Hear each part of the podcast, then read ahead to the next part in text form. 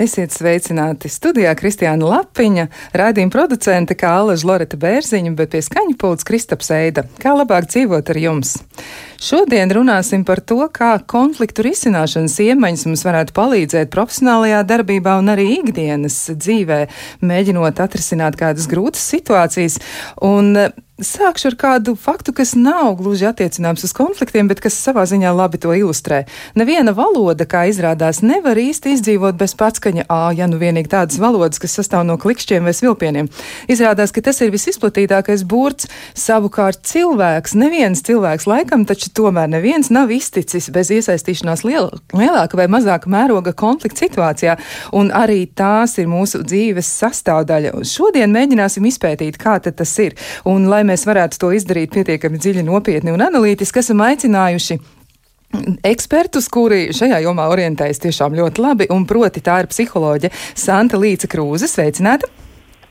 Labdien! Un vēl esam sarunā aicinājuši piedalīties arī psihiatru, psihoterapeitu Andri Veselovski. Sveicināts! Labrīt! Vispirms man gribētos uzdot jautājumu, kā tad mēs vispār varam noteikt, kas ir konflikts un vai tas ir izdarāms? Varbūt sāksim ar, ar eh, Krūzes kundzi, varbūt jūs varat mēģināt definēt, kas tad ir konflikts, vai tas, ka es nevaru īsti saprasties ar savu bērnu, kuru kleitu tad no rīta jaunā dāma grib vilkt, ejot uz bērnu dārzu, vai tas varētu būt konflikts, vai arī tas ir vienkārši mūsu nu, sarunas veids par to, ko tur un kā darīt? Tas ir atkarībā kā skatās Jo um, teorētiski tieši tā arī būtu, jebkurš uh, interešu, mērķu, viedokļu sadursme, tā būtu skaidrojama kā konflikta situācija. Taču praktiski mēs uh, ikdienā uzskatām par konflikta situācijām tās, kuras jau ir eskalējušās, kur jau ir uh, kādas um, vairākas pakāpes vai ieildes kāda konflikta situācija. Skaidrs, tā tad eh, varētu būt, bet mēs varētu arī raudzīties uz to savādāk. Bet ja reiz tas ir pamanāms vai arī atzīstams par konfliktu, tad, kad tas ir kļuvis par kaut ko ļoti, nu, tiešām tādu aizskarošu, akūtu vai, vai intereses tur ir daudz iesaistītas. Kā tad mēs pamanīsim, nu, ka tas ir konflikts, ka kaut kas, kas ir bijis pirms tam, ir pārvērties par konfliktu? Santa, varbūt jūs varat precizēt arī Jā. tālāk, kā tas varētu notikt? Un, tas būs atkarīgs, protams, no situācijas. Varbūt kas, to situāciju pamana pašas iesaistītās puses, ka tie viedokļi saduras un nav nekāds risinājums un uh, nedodas uh, tā situācija nerisinās uz priekšu. Uh, vai arī tur ir ļoti spēcīgas emocijas, kuras uh, arī nekāds nerisinās. Varbūt situācijas, kur pamatā, pamana uh, apkārtējie, piemēram, darba kolektīvā uh, vai ģimenē, jūt, ka nu, ir šis, šī konflikta situācija jums nu, būtu jārisina, tā kā iesaka no malas. Un tad atkarībā no tā, kurš tad ir uh, pamanītājs uh, vai tās piefiksētais um, autors vai, vai iesaistītās puses, nu, tad izvēlās kādu stratēģiju, kā to varētu risināt. Protams, ja vēlas risināt, ir citreiz situācijas, ka cilvēki nevēlas to risināt, un, un tas tā uh, vēl gaida vēl lielāku eskalāciju. Nu, tā arī var būt tāda konflikta risināšanas stratēģija. Jā, tā varētu būt. Un te man jautājums eh, Andrim Veselovskim. Es gribētu jautāt, kā tas ir? Nu, cilvēki laikam tomēr ir strīdnieki brīžam, viņi ir iesaistīti kādā konfliktā, bet kas tad nosaka to, ka cilvēks ir vai nav spējīgs risināt konfliktus? Nu jā, ka tas būtu jāmācās visu dzīvi. Jā, un, nu, vienmēr cilvēkam ir sava vēlme, savs viedoklis. Tā, tā skaitā, piemēram, meitē, meita uzskata, ka vienu kleitu jāvelk, jums liekas, ka otru, un, un ir pretējs viedoklis. Tad ir emocija, dusmas un vēlme panākt savu, un, un, un tad ir jāmācās, kā ar to tikt galā. Un, un tādu situāciju ir ļoti daudz. Un, un tiešām šis jautājums, ka jāpamana, kas notiek, ir svarīgs. Nu, piemēram, ģimenē uh, sieva kaut ko pasaka, un vīrs aiziet uh, un, un kaut kur pazūd. Jā? Tātad viņš uh, nu, nevar pateikt savu viedokli, viņš aiziet prom un kaut kā izlādējās kaut kur ārpusē. Jā, bet, bet tas ir ļoti svarīgi visu laiku nu, ļaut izpausties tam uh, savam viedoklim, bet uh, lai nebūtu otrs grāvis, lai viņš netraumē. un, un arī mums prātā spēt uh, nu, kā, um, pieņemt otru viedokli un uh, neuzbrukt un nebēgt. Ja? Tā tad kaut kur pa vidu. Ok, tā tad es uzskatu, ka, ka tāda kleita jā, jāvelk, mēta uzskata, ka tāda. Ja, ko darām?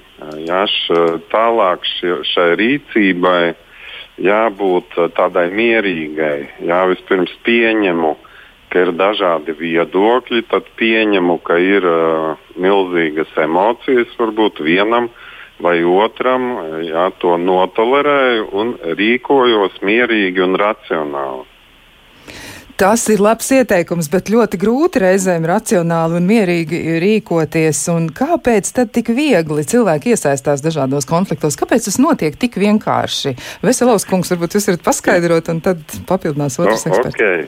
Tā tad uh, uh, pirmais ir kaut kas nepatīk, kaut kas iesāpas, kaut kas pietrūkst. Liekas, ka otrs kaut ko par daudz grib vai, vai neļauj. Vai, um, nu, ir, ir sāpe. Jā, tad, tad pirmā reakcija ir sāpe. To var novērot piemēram trīsgadīgiem bērniem. Viņš uh, atsitās Un uh, tad viņš dusmojās uz sienu vai dusmojās uz vecāku. Jā, tātad pieaugušiem ir līdzīgi. Ir kaut kāda sāpe, diskomforts, un tad ir dusmu reakcija. Un pirmā tā bioloģiskā reakcija ir dusmoties un, uz kādu. Ja es kavēju uz darbu, tad, tad tu esi vainīga. Jā, vai ir vainīgs tas, kas uh, brauc uh, lēnām priekšā? Uh, Nu, šī pirmā visa reakcija ir tāda tīrā bioloģija, un tas vienkārši ir jāpieņem. Jā, tāpat tā kā tagad ir krīze, jā, cilvēkiem sāp, ir diskomforts, un uzreiz notiek uzbrukšana kādam pretēji domājošam, jā, ko mēs varam redzēt Facebook. Vieni par vakcīnām, otri pret. Jā, ka šī visa ir tāda tīra bioloģiska reakcija, ko būtu jāsaprot un jāiemācās no tās iziet. Jā. Neiet tās bioloģiskās reakcijas pavadā, jo viņa nu, mudina postīt, iznīcināt. Tomēr tas ir spēcīgs dzinulis. Tā varētu tas eh, būt. Nu, jā, es domāju, ta, to mēs tagad ļoti labi redzam. Jā, jā, ka visos līmeņos Eh, no, sāk notikt kaut kāda konfrontācija un um, sadarbības spēja samazinās. Jā, um, Tā tas ir. Jā, varbūt Krūzes kundzei arī ir kas piebilstams par to. Jā, sabiedrība ir kļuvusi, manuprāt, neiecietīgāka. Varbūt tas ir tikai mans novērojums, bet kā jums izskatās no jūsu puses? Kā tas ir? Tieši, tieši tā arī ir, un tas ir saprotams, jo cilvēki ir dzīvojuši ļoti ilgu laiku bailēs, bailēs par veselību, par savu dzīvību, par tuvinieku dzīvību, nedrošība, neziņa par nākotni, kas notiks, kā notiks, kad notiks. Ierobežojumi. Ļoti daudz ir uh, zaudējuši darbu, vai kaut kādas citas lietas ir bijušas. Ģimenes apstākļi sarežģīti ar, uh, ar mājmācību bērniem. Visi šie faktori ir tie, kas um, iespējams to toleranci, iecietību un visas citas lietas, kas kādreiz bija ļoti ok, konkrētam cilvēkam viņas ir uh, mazinā, mazinājušas, līdz ar to ir tā, tā sāpes, tās, tās dusmas, cilvēki ātrāk norēģē un, uh, un nespēja nu, to robežiņu, kas bija pirms tam, noturēt. Viņi ir vieglāk uh, aizkaitināmi, viņi ir jūtīgāki. Un, Iespējams, ka uh, strīdu ar bērnu viņi notolerē mājās, jo viņi saprot, ka viņi ir vecāki, pieaugušie. Bet tajā pašā laikā pusstundu vēlāk Facebookā kādu komentāru viņi nu, atļaujās un nolaiž tās dusmas. Tā ir tāda hipotēze, protams. Jā. Tā sajūta par cilvēkiem šobrīd šādā situācijā e, šķiet, ka tas varētu būt viens no iemesliem, kāpēc ir konflikts situācijas, kāpēc cilvēki varbūt vairāk iesaistās, jo tas ir arī varbūt savdabīgs tāds uh, stress nolaišanas paņēmiens, lai tas nenotiktu iespējams mājā un zināmajā vidē, tad viņi to varbūt atļaujas sociālos mēdījos. Tas ir skaidrs, bet tomēr tam ir nelabvēlīgas sekas. Un man jautājums, kādas tad tās ir, Krūskundze, varbūt jūs tomēr varat to raksturot, jo nu, tas laikam nebūs labs attaisnojums. Tas, ka ir spriedzi, ir skaidrs, ka tas tā ir, bet ir arī sekas, mums ir jāmēģina saprast, kādas tās ir, lai mēs pēc tam varam izprātot, ko ar to darīt. Kas ir tas jūsu novērojums par nelabvēlīgajām sekām? Ko jūs esat pamanījusi? Sekas e, ir tādas, ja cilvēkam, ja viņš izpauž dusmas, pārstāstot to dusmu situāciju un agresiju pret citiem, bieži vien ir tā, ka viņam neviņas viņas pazūd, bet no tās reizes, cik jo viņš aktīvāk viņas izpauž un vairāk stāsta, jo viņš vairāk nostiprina to pārliecību, kas viņam ir un vai ra, bija radusies.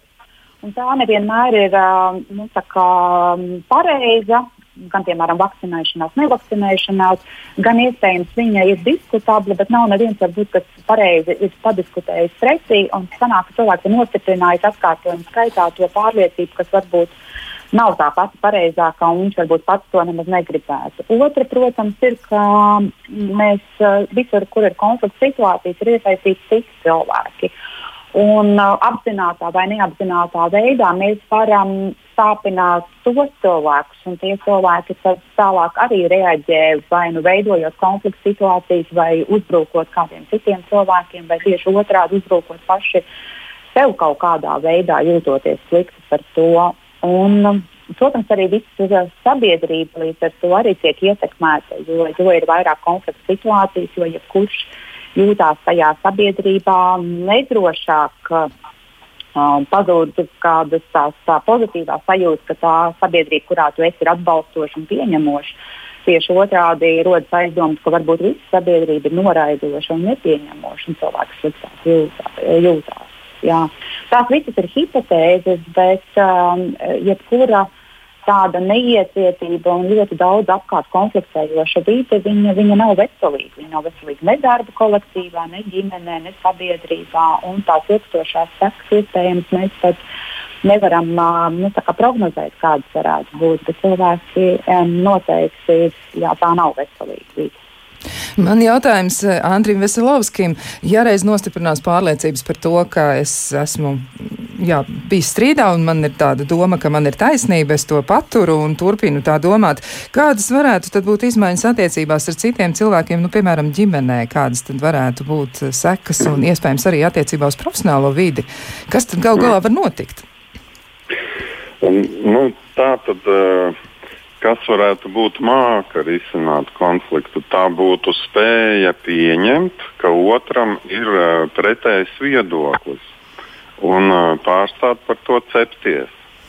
Jā, ja, jo sanāk, ja, nu, piemēram, vīrs un sieva, katram ir pretējs viedoklis, piemēram, kuram, kuram jāmazgā trauki, un, uh, un abi nostājas tādā kara pozīcijā, jā, tad viņi gan strīdas klātienē, gan pēc tam galvā notiek strīds, un tas konflikts nebeidzās, viņš notērē enerģiju, Un, eh, un abi nu, nociņo, novārkst un varbūt beigās izšķirās.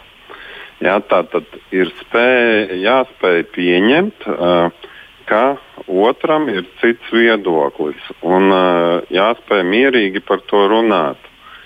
Jā, un, un, protams, ja mēs runājam mierīgi, tad, tad mēs arī nu, kaut kā varam beigās sarunāt, nu, kurš tad mazgā traukus vai mazgājam vienu dienu viens, otru dienu otrs.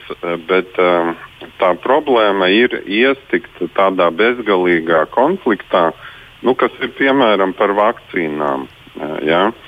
Tas uh, labais veids būtu, ka nu, katram piemēram, ir savs viedoklis un cilvēks to pauž bet eh, nesāk cīnīties un uzspiest eh, to savu viedokli. Jā, vienkārši es uzskatu tā un daru tā, un viss.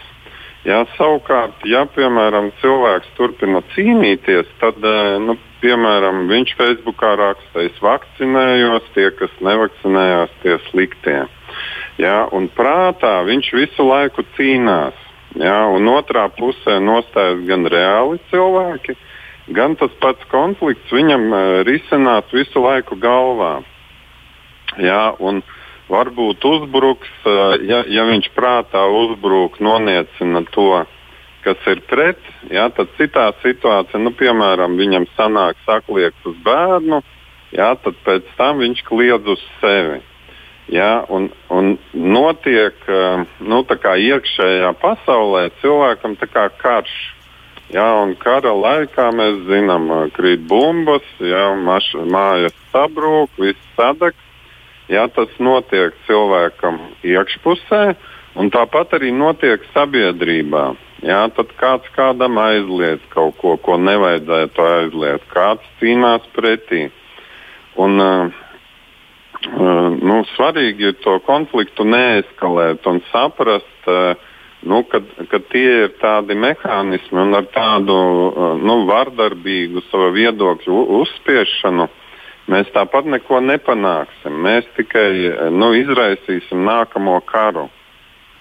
Tas nozīmē, ka tas komentārs Facebookā neko daudz nepalīdz cilvēkam, ja viņš turpina uzbrukt kādam citam, tad izskatās, ka tas karš galvā turpinās.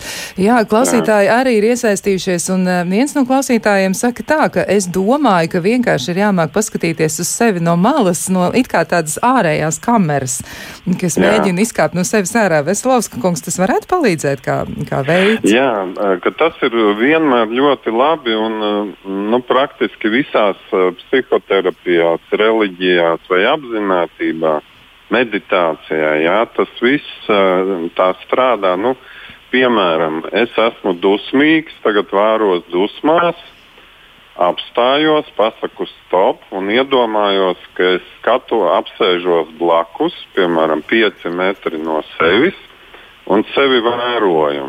Jā, tātad viens es vēros dusmās, un otrs es vienkārši vēroju Aha, interesanti. Kas, eh, kas notiek ar šo cilvēku?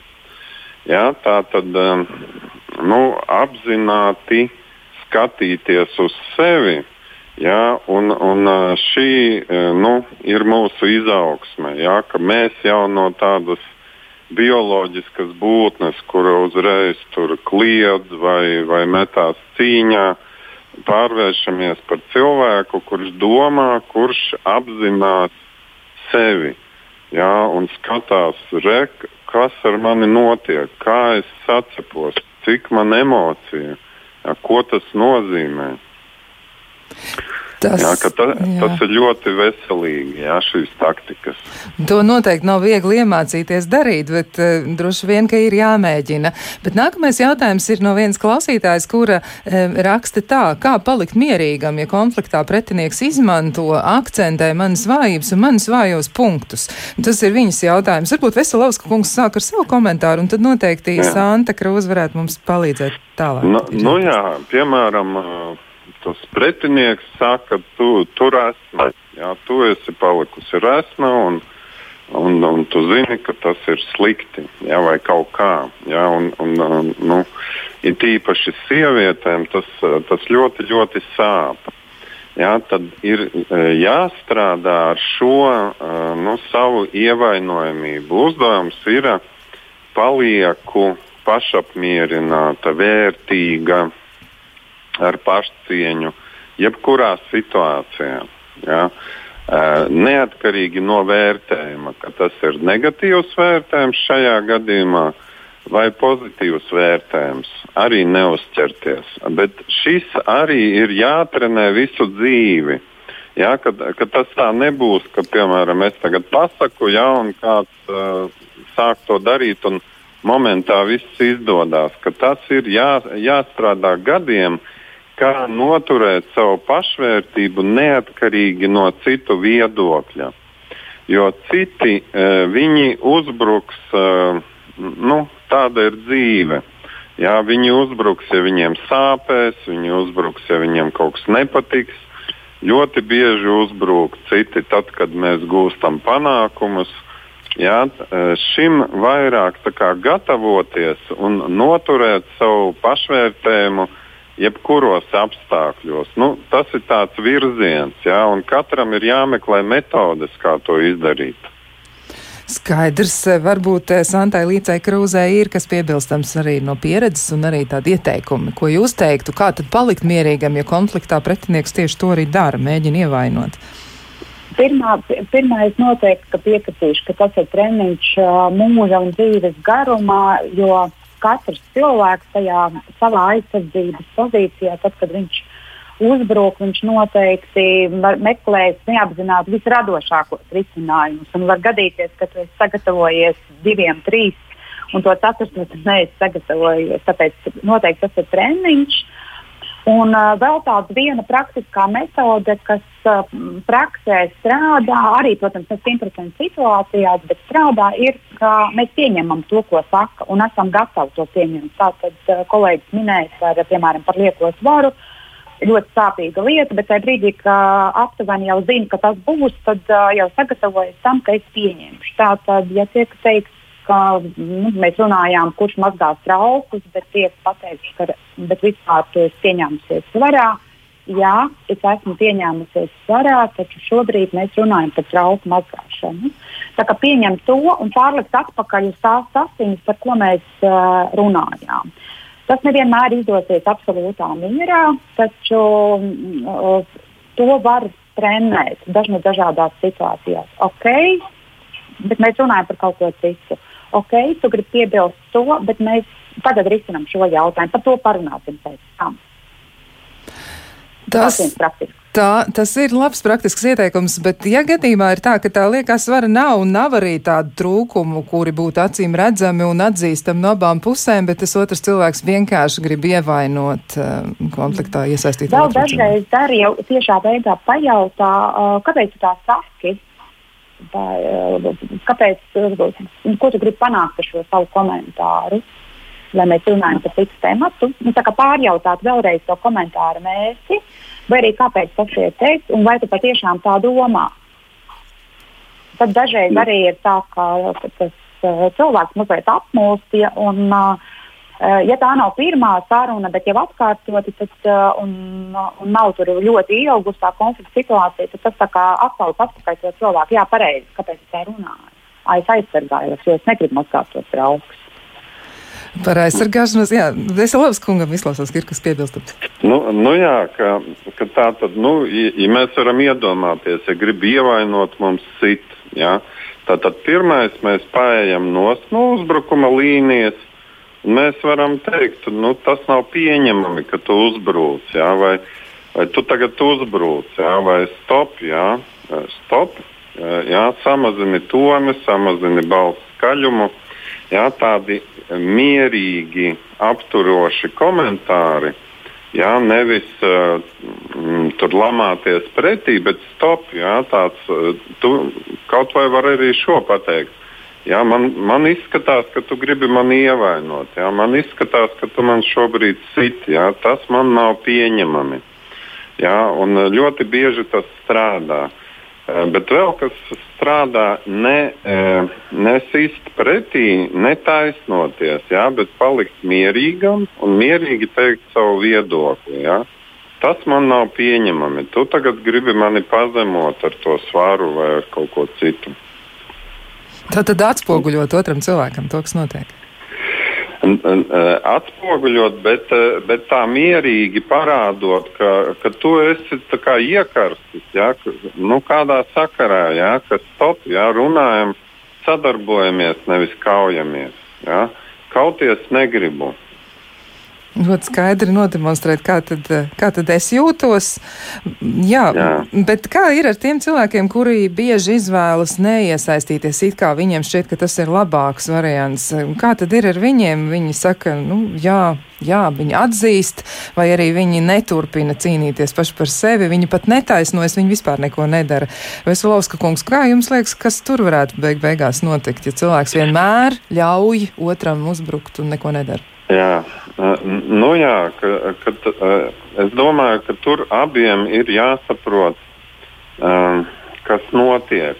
Nu, piemēram, sieva kaut ko pasaka vīram, un viņš nevis saka savu viedokli, bet aiziet tur uz garāžu. Jā, jā.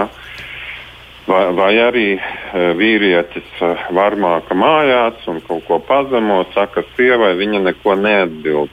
Tad uh, katrai pusē ir jāsaprot, ka kaut kas jāmaina. Jā, tam, kurš agresīvāks, jāpazemina tonis jā, un jāaicina otru uz sarunu un jāmēģina pieņemt un neuzbrukt. Ja, tas, tam, kurš nav teicis savu viedokli, ir jāmācās to teikt. Ja, jo nu, tā, tas labais variants, ka abi liekam uz galda, katrs savu viedokli, un tad domājam, kā ar to tikt galā.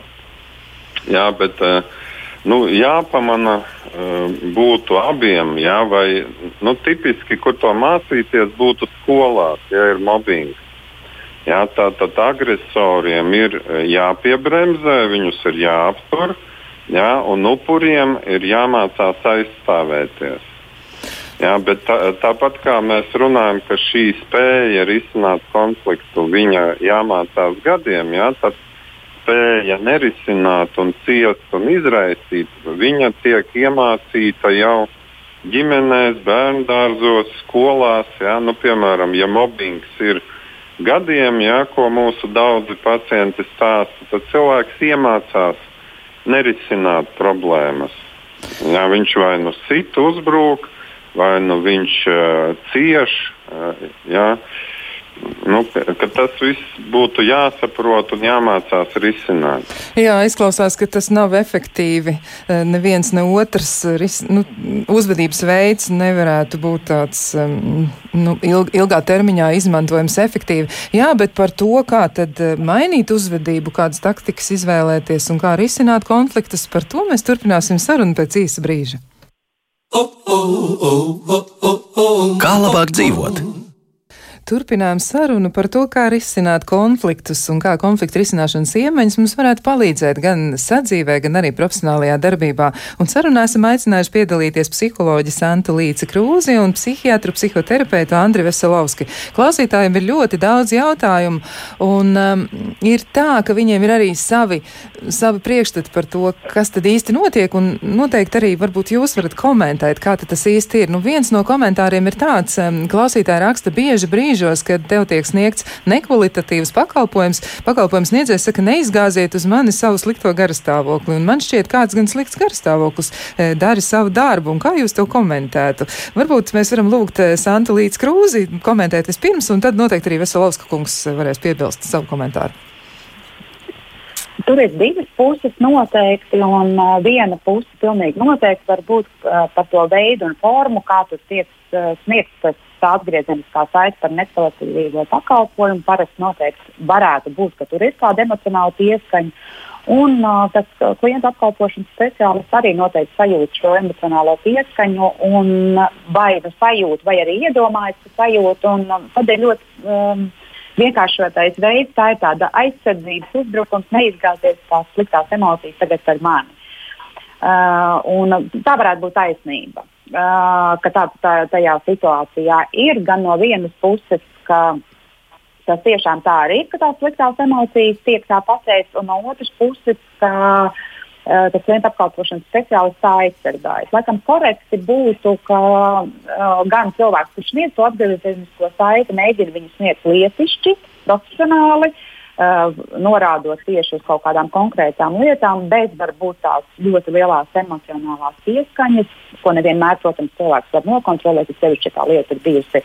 Um, nu, pieņemsim, ļoti sāpīga. Un uh, klientu apkalpošanas speciālisti būtu apmācīti neeskalēt šo situāciju, jo šobrīd sanāk, ka tā situācija ir vēlreiz eskalēta, jo uh, Viņa, cilvēks par to domā vēl aizvien, ka viņš izgāza nevis sliktās emocijas, bet pateica par, par to, kas bija. Bet klienta apkalpošanas speciālists būtu apmācīts, kā šajās situācijās reaģēt, kā noklausīties klientu, kā piefiksēt, kā ieteikt kaut kādus risinājumus nākotnē, kā varbūt labot šo situāciju vai apvainoties klientam. Tas, kas būtu ļoti profesionāls un kompetents no klienta apkalpošanas speciālista reakcijas šādā situācijā. Veselovska kungs, varbūt jums ir vēl kas sakāms? Uh -huh. Nu, ir svarīgi atcerēties, ka šīs teiksim, sliktās agresijas, ja, kur mēs kā, nīcinām otru ārā vai manipulējam, viņas mēs ļoti bieži nejūtam paši. Un arī mēs varam nejust, kā otrs kaut kā uzbruk un provocē. Jā, tāpēc, nu, piemēram, mūs, mūsu šīs dienas saruna ir laba, jā, kad cilvēki varbūt vairāk pavēros, paskatīsies. Jā, bet man pirmā asociācija bija, ka tajā situācijā, kad klients ir neapmierināts un tas darbinieks saka, neizgāziet uh, savas emocijas, būtu forši, ja tas būtu video ierakstā. Jā, un ja, piemēram, desmit cilvēki sēdētu un vērtētu, jā, tad viņiem nu, katram būtu savas domas, ja, kurš kuram uh, uzbrūk, kurš uz kuru izgāž. Un, un varbūt būtu, kad uh, saka, ka klients uzbrūk, citi teiktu, ka uh, tas darbinieks manipulē. Jā, bet uh, iespējams, ka arī sadalītos vienlīdzīgi. Un, un bieži arī, piemēram, šajā situācijā uh, var būt grūti saprast viens uh, nedaudz jā, iedzeļ otrs iedaļ pretī, jā, un tad vārds pa vārdam, un, un tad jau nevar saprast, eh, nu, kurš te tas sliktais. Jā. Un, un izēja ir nu, jau tajā situācijā, vai jau iepriekš teikt uh, to savu pretenziju mierīgi. Jā, ka tā dusma, dusma ir, dusma uh, liek uh, teikt, jā, liek risināt situāciju, bet mēģināt teikt mierīgi. Un tad ir vieglāk saprast, jā, kas tālāk notiek. Bet vienmēr jāturprātā, ka iespējams es esmu tas, kas e, šobrīd izgāž e, jā, savu neapmierinātību, dusmu. Iespējams, ka es kļūdos. Jā, iespējams, ka arī otrs uh, nu, kaut kādā nepareizi uztver situāciju. Ja, ka, ka būt gataviem nu, šādām dažādām uztveres kļūdām un būt gataviem kaut kā sadarboties un labot. Ja, nevis tagad es tur sagraušu ja, to nezinu, tā darbinieka karjeru, ja, viņu iznīcināšu, bet ka es mācos uh, aizstāvēt savas intereses, bet nevajag te nevienu nogalināt. Ja, uh, darbojos mierīgi un trenējos pārvaldīt situāciju. Tā, labi, to mēs arī liekam aiz auss. Vēl arī klausītāji raksta, kā rīkoties, ja tuvinieks ir kategoriski pret covid vakcīnām, domā, ka tās ir kaitīgas un bīstamas, un savu viedokli aktīvi un emocionāli pauž, lai ietekmētu mūsu lēmumu vakcinēties. Un tātad konflikta situācija iespējams tiek radīta ar domu, ka es ietekmēšu tos cilvēkus, kas man ir blakus, un, protams, tas ir kaut par kaut ko, kas notiek ar mani. Veselovska kungs, kā jūs komentējat šādu situāciju? Mm. Nu, nu jā, ja kāds uzspiež savu viedokli, nu, stop, jā, es pats pati pieņemšu uh, savu lēmumu. E, e, un, uh, nu, ne, neuzbrūc ar savu viedokli, jā, piebremzē. Jā, man ir tiesības uh, manam viedoklim. Jā, tu tagad uzspied savu. Jā, es respektēju tavu viedokli, bet neuzspied man savu. Jā, tā tad eh, šeit to mm, nu, uzbrukumu apturēt. Jā, bet arī nu, censties neeskalēt, jā, netaisīt tādu kautiņu. Tā tad arī tā ir viena no mm, stratēģijām, kur mēs varam izmantot. Un man tagad jautājums Krūzes kundzei. Varbūt jūs varētu arī aprakstīt Jā. tās konfliktu risināšanas eh, stratēģijas, kuras biežāk cilvēki lieto, un kāda no kuras tad varētu būt tā labā lieta, ko mēs iegūstam? Jā.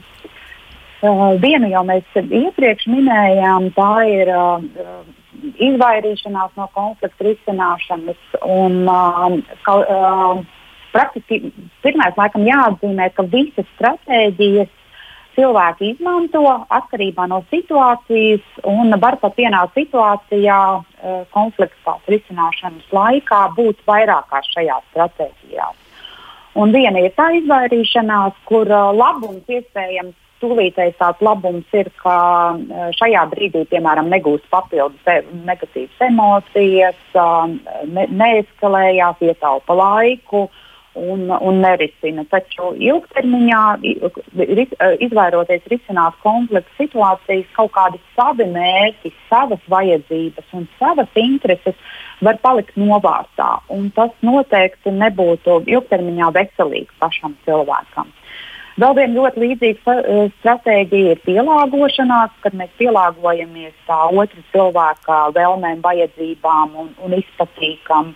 Un, uh, tas arī ir attiecības, var uzlaboties. Noteikti, ka cilvēks, re, eh, tas otrs ir atkal uzvarējis konflikta situācijā, un viņam tie trauki nav jāmazgā, un viņš var vilkt mugurā to kleitu, ko viņš grib. Bet, uh, Ilgtermiņā arī ir jārunā par to, kā tiek tā otra cilvēka intereses un vēlmes, kā viņas tiek, tiek um, realizētas. Tā tāda klasiski, ko visi uzskata par tādu labāko variantu, protams, ka mums, mēs ejam uz kompromisu. Um, nu, tas īstenībā nav tāds pats labākais variants, jo kompromiss pēc definīcijas nozīmē, ka mēs katrs noteikti no kaut ko tā, zaudēsim, katrs kaut, no kaut kā atkāpsimies. Tas nozīmē, nevis katrs iegūsim, sasniegsim pilnu to mērķi, bet noteikti mērķi ar kaut kādu mazo iztrūkumu. Bet tas ir viens no tādiem pozitīviem, pozitīvām konfliktu risināšanas stratēģijām, jo cilvēki sarunājas. Jo bez sarunas un ap, apusējas klausīšanās, bez kopīgā meklēšanas noteikti šo kompromisu iziet nevar. Tad vēl ir tāda sāncensības vai sacensības stratēģija, kas nozīmē, ka noteikti uh, cīnās par to tikai un vienīgi to savu mērķu panākšanu. Protams, tā var būt efektīva, ka, lai stiprinātu to savu uzvaras uh, garšu. Tad ir tikai jautājums par to, Uh, cik tas ilgtermiņā var būt un kur paliek otra cilvēka intereses un kā paliek ar attiecībām. Jo ja vienmēr cilvēks ir tikai uzvarētājs un tikai viņam ir taisnība un tikai viņš zina pareizās atbildes, tad uh, ilgtermiņā noteikti savstarpējās attiecības uh, var, var pasliktināties. Protams, nu, tā ideālā stratēģija ir ap, apusēja sadarbība. Tas nozīmē, ka cilvēki mm, runājās, meklēja vispirms kopīgo, par ko jau var vienoties, izpēta, kādi tad ir vienai pusē mērķi, kādi otrai pusē ir kārtīgi, ieklausās, atrod, kā tad varētu abas puses katrā situācijā nu, palikt, uh, ieguvējs palikt laimīgs. Un, un tikko minētā situācija, ko darīt, ja tur ir uz, tajā vakcinēšanas gadījumā, varbūt tur arī pietrūks.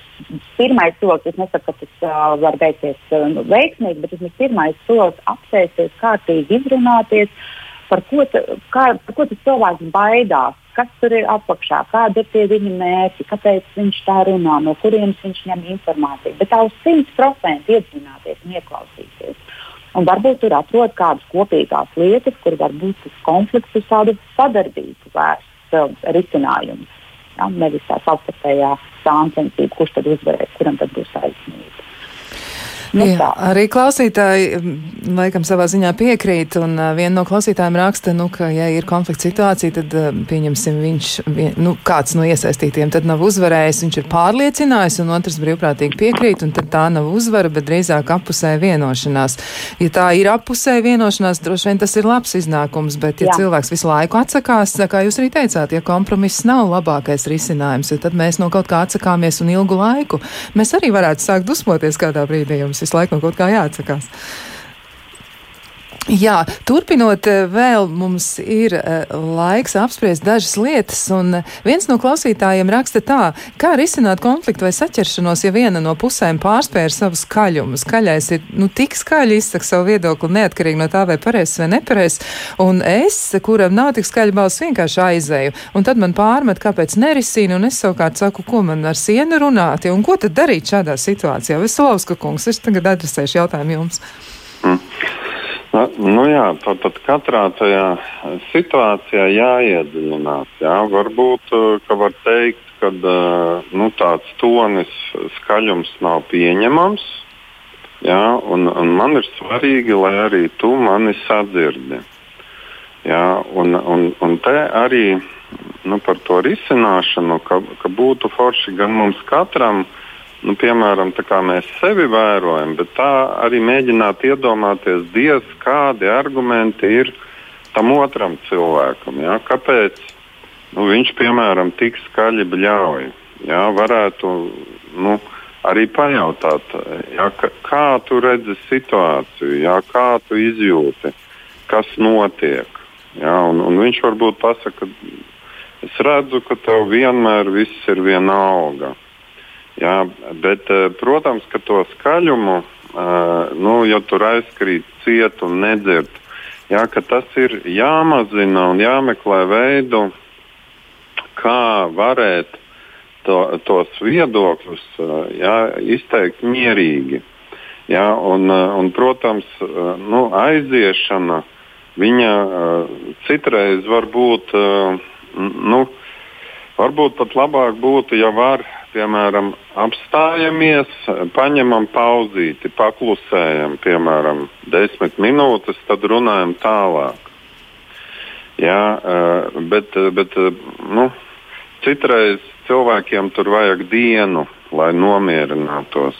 Jā, bet kad, kad tam vēstījumam ir jābūt tādam, ka tādā skaļā tonī, ka ar kliekšanu neies, jā, vai ar sišanu neies, ka varam to runāt, risināt mierīgi, mācāmies, kā to darīt.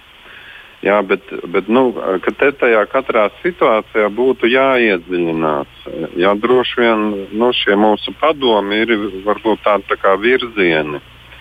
Jā, ka, ka kaut kas tajā cilvēkā, kurš bļauj, ir tik neizturams, jā, ka tur jāmeklē tās taktikas, nu, kā viņa uh, to dramatizāciju, drāmu apturēt, jā, vai, vai, vai kā viņu nomierināt, vai, vai kā pateikt, eh, ka nekas tāds traks nav noticis. Piemēram, ja pasakot tādu teikumu, daļa cilvēku apstājas, ah, tiešām nekas nav noticis.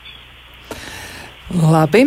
E, vēl arī klausītāji raksta tā, nu, viens no klausītājiem raksta, kas tad tur ar tām meitām un klētām jādara, kā atrisināt konfliktu, kur klētu vilkt. Varbūt, ka mēs varam sašaunāt izvēli un tad ir vieglāk ar to tikt galā. E, varbūt e, Krūzes kundzei ir piebilstams kaut kas pie šī. Kā to atrisināt ātri un bez Jā. sāpēm? Eh, jā, noteikti ar kleitām. Tas, ir, tas patiesībā ir viens no visvienkāršākajiem risinājumiem. Vecāks var piedāvāt, piemēram, um, izvēli, kei, kuru no šīm divām vai trijām kleitām vilks šodien uz bērnu dārzu, nepiedāvājot šo izvēli, ka ies bez kleitas, tāpēc, ka ir izvēle starp divām, trijām kleitām, un bērns noteikti to izvēli izdarīs ar bērnu tādā ziņā ir, eh, ir vieglāk, jo pieaugušais eh, tādas dažne dažādas stratēģijas var apzināti izdomāt un, eh, un pielietot, ko bērns uh, varbūt pat neatsapsies, ka, ka tāda stratēģija ir. Uh, grūtāk, protams, ir tajā situācijā, kad jau ir es eskalējies un uh, tiek daudzīts kājas pret zemi un, un to kleitu nevilks ne, nekādā veidā, tad ir arī vecākam. Nu, tajā situācijā vecāks ir pieaugušais, ir nu, jādomā, kāds ir tas lielais mērķis. Lielais mērķis ir aiziet uz bērnu dārzu vai uh, nomierināt uh, bērnu un aiziet labā gara stāvoklī uz bērnu, uh, uz bērnu dārzu, pagūt pašam uz darbu laikā un atkarībā no tā izvēlēties to rīcības modeli tieši tajā vienā konkrētajā situācijā un laicīgi plānot, kā izdarīt, lai nākamajos rītos tā situācija neatkārtojas un neizveidojas jau ieradums, ka katrs rīts tādā veidā sākās. Jā, un kā teica Veselovska kungs, tas notiek ļoti ātri. Tie nelabvēlīgie Jā. ieradumi izveidos ļoti ātri. Viena no klausītājām arī raksta par tādu, man liekas, labu veidu, kā tikt galā pašam ar sevi un savām izjūtām, vai vismaz tās mēģināt izprast. Un viņa raksta tā, es parasti runāju ļoti skaļi, bet nu esmu iemācījusies pateikt, ka es taču sevi nerāju neuzbruku, un es uz eh, tevi skaļi runāju, kā saka, un esmu fiksējusi, ka pamazām samazinu toņkārtu. Nu, tāda arī. Nu, nostāšanās blakus pašam sev izskatās, ka tas palīdz. Un uh, vēl arī ir tā, ka noteikti konflikta situācijās palīdz skaitīšana līdz kaut kādam noteiktam skaitam un tad arī dziļā elpošana. Ļoti labi padomu klausītāji liekas, ka arī ir likuši lietā daudzas arī savas zināšanas, bet savukārt viens no klausītājiem Raksta tā, ka bieži ir grūti mainīties, jo cilvēki tev apkārt zina tevi un gaida no tevis šo nemainīgo zināmo cilvēku, kurš nu, vienmēr rīkosies atpazīstamā veidā. Varbūt jūs varat ļoti, ļoti īsos vārdos, nu tiešām vienā teikumā iedrošināt klausītājus uz izmaiņām, pārmaiņām vai uz to, kā viņi varētu savu dzīvi padarīt labāku vai mazāk piesātnāt ar konfliktiem. Kas būtu jūsu galvenais ieteikums? Veselovska kungs un tad mm. uh, Krūzes kungs. Nu, nu jā, varbūt, um, uh, ka vajag ieviest tādu gatavību, Uh, nu, ka, ka būs jāpastrādā, ka būs jāpacenšas un uh, ka būs jātiek galā ar grūtām situācijām kaut kādā jaunā veidā. Nu, tā, tas pats, kur um, tā meitenīte negrib kleitu vilkt, jā, arī var domāt, ka viņa dārziņā tur ļoti cenšas labi uzvesties, un viņai kaut kur vajag dusmas izgāzt. Jā, tā tad būs kaut kāds uh, vecāka darbs, kad ir jāiztur jā, tāda konfliktēšanās, ņemšanās, ka tas paprasīs laiku, jā, varbūt 10, 15 minūtes nu, pieņemt, ja, ka tā dzīve, uh, nu, bieži, lai mēs kaut ko iemācītos, mums ir grūti jātrenējās. Nu, pat ne bieži, varētu teikt, vienmēr. Ja, un jātrenējās grūti, tīpaši tur, kur nesanāk. Ja, tad tam kungam, kuram uh, ir grūti izmainīties, ja, tad tas grūtais ir jādara. Ja, tas, kas būtu izmaiņa, vai viņš sevi piebremzētu, vai viņš viņa uzdrīkstētos teikt. Bet uh, pieņemt, ka uh, jāpastrādā, un tad būs labāk. Tad būs labāk, jā. Un Krūzes kundze, ko jūs piebildīsiet vēl vienā teikumā? Es uh, varētu papildināt, ka tās grūtības uh, sevi mainīt uh, var pamainīt, ja pamaina attieksmi. Attieksmi uz to, ka nevis grūti sevi mainīt, bet attieksmi, oi, cik interesanti, man ir arī tādas šķautnes ui, šādās situācijās es tā reaģēju, ko mēs varētu ar šo padarīt. Tā kā iepazīt sevi un, un tur, kur šķiet grūti pamainīt, ka tas ir interesanti. Ir interesanti pastrādāt ar konfliktu situācijām. Ir interesanti, cik ilgu laiku man vajadzēs, lai iemācītos mierīgāk šajās situācijās reaģēt. Labs ieteikums. To arī mēģināsim izmantot. Un saku paldies psiholoģijai Santai Līcei Krūzei un psihiatram psihoterapeitam Andrim Veselovskim. Konfliktus esam izpētījuši, bet rīt, rīt jūs gaida ļoti garšīgs raidījums, jo rīt eh, Elvis runās par dārza darbiem ar saviem uzaicinātiem ekspertiem un noteikti paklausieties. Arī kaut kas patīkams dzīvē reizēm palīdz vieglāk raudzīties uz konfliktiem. Lai jums veicas un skaista diena! Visu labu!